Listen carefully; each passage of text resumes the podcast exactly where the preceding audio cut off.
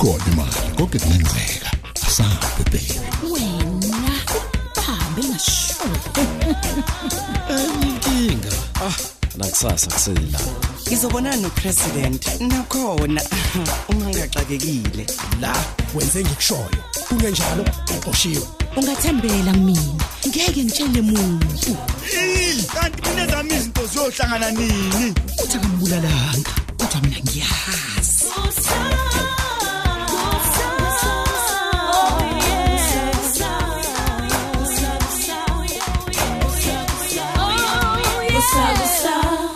Episode 747 Haqa man.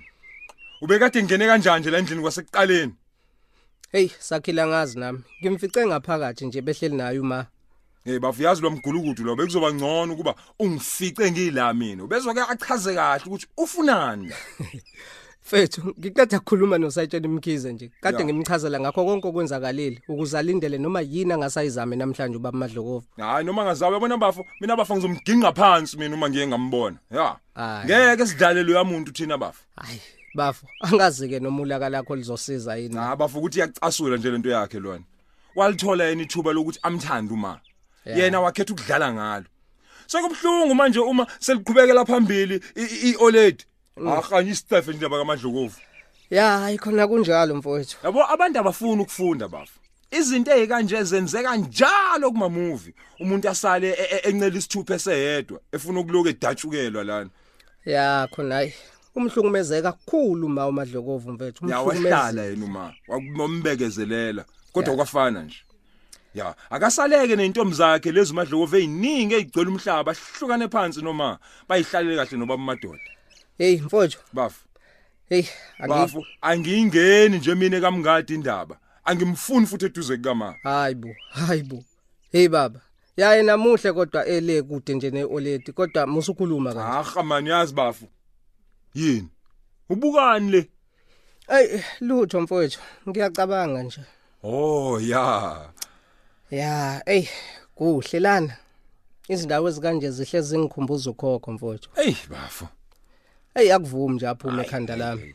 Bafa ukahle nje ukucabangana nezinto ezokuphatha kabi namhlanje mfowethu. Asijabule kanye noma bafu. Hey, uqinisile bafa. Asambe siyofuna ubaba, ubaba madoda. Sure.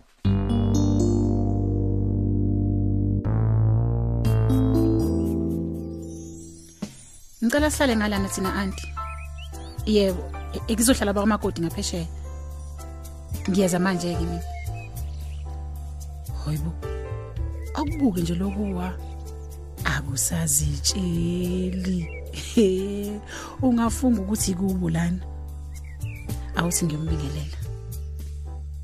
Hayibo. Wenzani manje? Hayi ngiyobe ngimiyekile. Wewa. Wa, hey nozi unjani bumenzani lo baba? muphi yena Ngikubonile umkhuthuza. Hayi angikwazi ukukhuluma ngani sister mhlawumbe sekufanele uthole ibuku Musungenza isilima wena ngikubone kahle phela. eyawusho usekwambona mamkhulu Ulithatheleni into kulalo baba wange impela. I- iduku noza ngikwazi ukuzokhuluma ngani Ngikubonile wandile unamanga man. eh sister Woza la. Woza lawa. A- hayi bo. Yini phole? hayi bo musungikhuthuza man Lifunani leli duku ephaketheni lakho wa?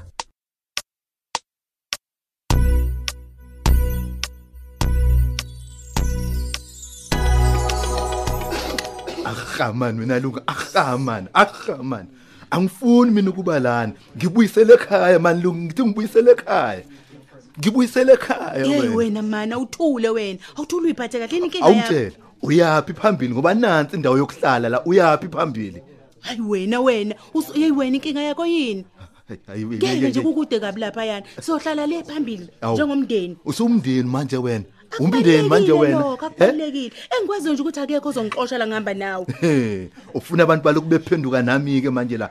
Hlala phansi mani luki kithi hlala phansi wena mani. wena wena langa Hawu. wena. Abantu abanendaba nalomlenze wakho wodwa bayijwayele inqehle yini ubiza bani ngalelo gama wena? Ngithi ubiza bani ngalelo gama ngithi uyini ngoba isinqehle vele? Hey man hlala phansi wena lungi man ngifuna ukuba semuva mina vele mana ngihambisana nayo yonke lento enza. Ngithi hlala phansi wena ushaye lungi. phansi ke bandle kule game. Ngeke nje mina ngizwe ngawe uyazi? Hawu, Nkosi. ngeke. Hawu, Hayibo. hawu madoda. Kwaze kwangenza kwangihlanganisa nawe emhlabeni. Kwaze kwangenza eyilanga man. mani Yazi- unesicefe nje. Ah, mina nguwena ngabe ngijabula kabi ukuhamba nje ngesihlalo ngitatanyiswa ngiswa ngiswa noma yikuphi nalapha engafuni ukuya Hey khona. wena lungi man. Ngithi ngihambise ekhaya man wena. Hawu yikhona awu awu awu uyoze ubuyele emva komshado ke He? kwakho la ngiyezwa beka umoya phansi awu Eh. Madoda ngaze ngathwala kodwa kanzima mina nasebholeni emhlabeni nje langa man. lalele wena uyazi ukuthini nasebholeni usuka ngena egroundini uhlale phakathi estadium ungahlushwa Yazi. umuntu ungakhokhi nokukhokha ngoba phela nikhokhiswa benidabukela ninayinqele Yazi. U- uyazi ukuthi unenhlahla kanjani ngalo mlenze wakho oh bakutshela kanjalo ngakini azikho eh? phela ngakithi iy'nqeke Bakutshela ukuthi akuwazi kanjalo. namalungelo akho wena langa ulibele ukubawuzi lokhu ubawuzi Yazi kodwa wena. kulungile kukhona mina ngizokusiza ufanele sizidle Angifuni sizidle iy'thelo zokugula usizo lwakho. kwakho yeyi wena abantu abanjena abangenamleze bacatshangelwa kabi ukuthi wena wazi Mm, yazi. Umuntu angaze afunga ukuthi nawe wanqunya umlenze. Hey ngendlela obawuza ngayo Hayi, umuntu suka. angafunga ukuthi man wan- kufanele phela ngizazi phela mina lezi zinto njengomuntu okugadayo ngigada umuntu owanqunya umlezi wena nje nge- ngiyabona udlala kancane. Mina-ke kodwa ngizokudlalela kakhulu ngizokusiza angaze ngicela isizo lwakho mina luka ngifuna isizo lwakho ma- ngifuna ukuya ekhaya mina man ngizokunika lolu sizo ngenkani mani. Hlala la uthule sitamele umshado.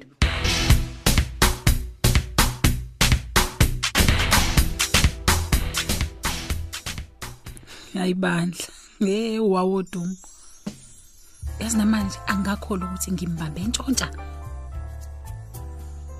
Kusho ukuthi uba beqinisele sonke lesikhathi uh kodwa umfana omuhle kanjena kodwa bakithi.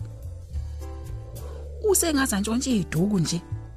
He engabuzo lenzani hawu nangeqhamuka futhi. Ks, ks, ks. wewa! We uyangiziba kusho ukuthi usanamahloni Hmm, hayibo. Kungenzeka yini ukuthi uyena lo ntshontsha ama-laptop eyonimi eni iyanakho ngesikhathi eyikhipha komunye ubhakha eyifaka esikhwameni sakhe. Hmm, kodwa nkosi yami sohlala kanjani neselendlini inkinga phela le. Sekuzofanele sikhiye yonke indlu manje sikhiyele yonke into. Hmm. akukho futhi nokumxosha ngoba phela no-antlungu uzovela asishiye bese siswele umuntu ozogada ubaba futhi. Kodwa into ezothiwani le?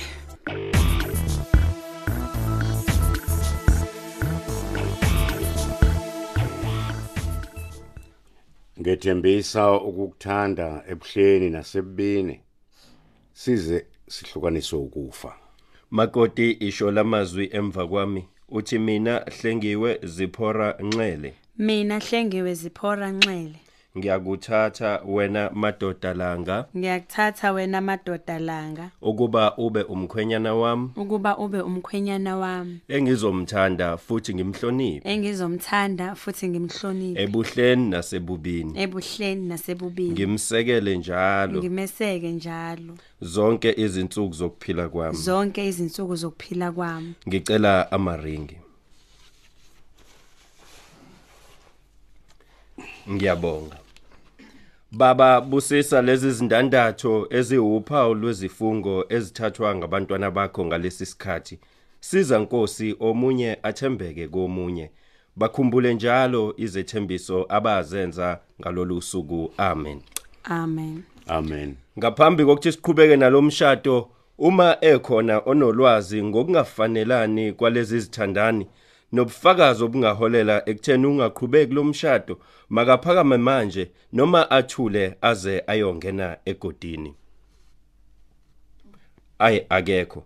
Mkhwenyana uzothatha? Khona hawu. Yawumisa lo mshado. Eh hayi qhubeka baba umfundisi. Lo muntu akafanele ngabe ukhona kwala cha kufanele ngimuzwe. Khuluma ndodana ngilalele.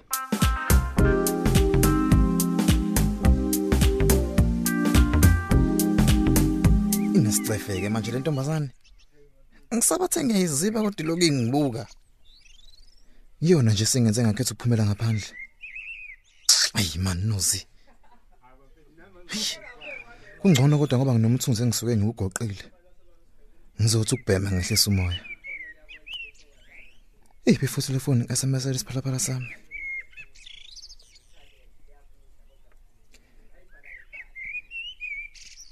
Iletha yami yona iphi ngibasela. Angifune imoto nje ozongibangela isicefe.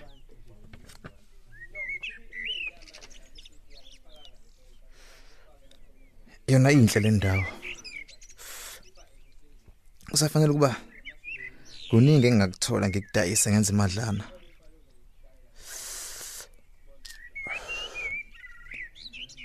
Kushithwe izibe SMS yami nonke. Kodwa kulungile. Ngiyawazi vele amaseni. Afuna ukupheka kahle. Yosholo yena mesevuthiwe. Okwami kuloko nje ngiqoqoza nje. Ake ngiyobheka ukuthi ngitholani la ngaphakathi. Ngizobe ngiqedele logwayi.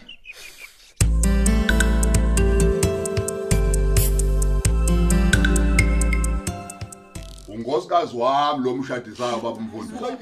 Ungubani konje igama lakho? Ungqonqo mngadi. Uyayazi le ndoda.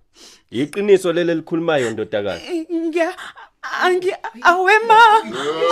Umkami lo baba. Pheke emhlabeni. Hayi ulanga lo uyakwazi lo. Eh mfundisi. Umshado susuliwe lo akhuluma ngawo. Nginawo amaphepha ngufakazi. Eh menze ngicela ungiphele envelope. Hey, awukwazi ukushadisa unkosikazi wami nenye indoda.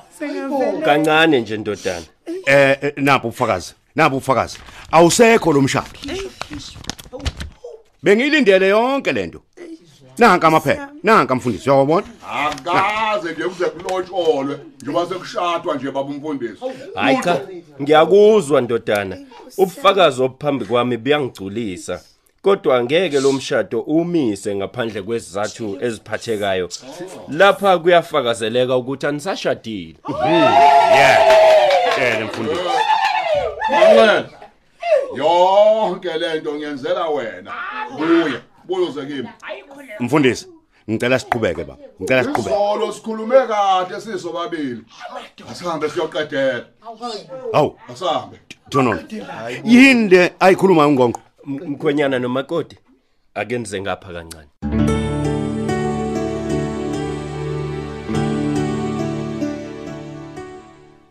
Hayi ngeke man. Ha, ngangimele lento mina le. Hey wena mngadi, wena mngadi umthetho wakho uyodela nini awufuni ukuye kukudelela. Sakhile kahle. Ungeke Hawu. manje. Hey, hey. Angifune lutho nje oluningi la. Nginikeni unkosikazi wami ngihambe. Uzophoqa la wena man get out of here man. Awusakhile ima Menzi, mfowethu. menzi ngimeni menzi. Ngimeni. Kuyoze kube nini lo muntu lo eloke ehlazumala? Hey, angizele wohlaza umuntu mina. Ngizoqoqa ongokwami ngihambe. Manxele. Ey madlokovu baba mdedela uma. Hayi suka. Uma uma kukuthi wakho ngempela uyobuya. Kodwa uma umthanda ngempela mnyeke enza into ayithandayo madlokovu. Hey, no imndawo. Hey, mina angilwi na. Ah, noma siyokusidlala lento le man. Wozala umthetho wakho wena. Awuzwa wena, eh? U- Ufuna ukukhishwa ngendlu. Wozala mfana, Sakhile kwahle. Hawu kwahle sakhile. Madlokovu. Angeke azahambe nawe uma uyashada. Hey man, umkami lona man, umkami lo. Uyazi ukuthi akusilona iqikiso lelo madlokovu. Hey, hey webakithi. Hey, akani kahle ngane sengihamba ngikhulumeke manje. Kade ngiyibambile. Isekisi phela lesiyenzeka. Ngadi wedloko uhlala phansi. Hey, ungena wena. Hey, hlala phansi uthamela umshado. Sesoze sife thina indlala Hey, manje. shut up bona man, shut up. Nendaba nendlela yakho. Uzela ukuzohla nje la. Ehhe kanti kuzelwa nomshado emshadweni ngoba kusokuzodliwa usobala ngidinga usizo ngizoyisolva ke mina lento ebangwayo lana bengazi ukuthi kuzokwenzeka he into nje efana wena nale wazi. yingakho ngihlale phambili Hey wena mama uyithatha. Awuthule. Ngazophapha la ifuni wena le ndaba. cha phela Cha phela wamanyala ihlala phansi. Yey, phibisa umlomo walento mani vala umlomo. Ihlabe ngempama lento izovala umlomo. babazani wenkosi Hawu, yami. Lord. la ngilake sethi ngibhitshizwa ngenipama wenkosi yami uzohamba ngani? Wela nguthi wela ngavala lo Hawu. mlonyana wakho. Hawu. uma ungafuni nguvalekala sithi wonke somlenzo wakho wena uyangizwa ukuthi njini ubiza bani ngento? Yabona ke baba into esuyenzile yabona ke mngadi into esuyenzile. Sikontathela izokuba ngumsindo la. angithi nina nigijima neyidawudawu ezolanga wemngadi ubiza abantu ke sidawudawu wena. Eh, ngithi ubiza abantu sidawudawu? Wima uje.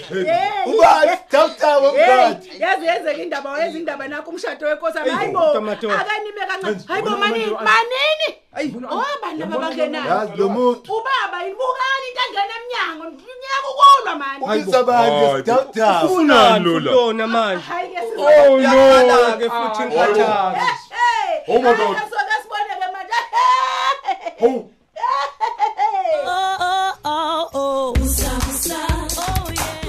Siphela kanjalo ke isiqephu sethu sanamhlanje. Kanti abadlali bethu bekuyilaba. uMax udlala usonke Buthelezi uGertrude udlala uThandazile Gumede uSakhile udlala uEric Hadebe uLanga udlala umthandeni Khanyile unkosikazi Langa udlala uGugu Khumalo Anlungu udlala uThembi Mathonzi uUncle Round udlala uThulani Mengo uLethiwe udlala uThandeka Mgenge uSisinonki udlala uDal Simsomi uKhokho udlala uXelbe Mkhize uMenzi udlala uNtuthuko Ndlovu uMadoda udlala uShedrack Ngema uThandeka udlala uSizwe Nzimande uNozi udlala uSibusisiwe Ngubane uNgqongqo Mngadi udlala uMathini Ziqubu uManxele udlala uBabongile Mkhize kanti abanye abadlali bethu yilaba. uKhuphukani Khanyile uMbongeni Khumalo uKabelo Liwu uNonhlanhla Ngongoma Njabulo Shelembe umcinelwa Shezi uSkhumbuzo Nzuza Sandiso Mfeko Vukani Hadebe Hlakanipho Maphumulo ababhali bethu nguChrista Biyela uEric Ngcobo uDiphizet Ntuli uSinoxolo Duma Tando Kunene Hlengiwe Shange Lerato Thuwe noZuko Nguqu kanye noNofundo Mkhize. Onjiniyela bethu ngusithembiso majozi nkosinathi dladla kululeko phephetha usamukelo khumalo. Ikusakusa iqoshwa ngaphansi kweso likadoli hadebe. Usabusa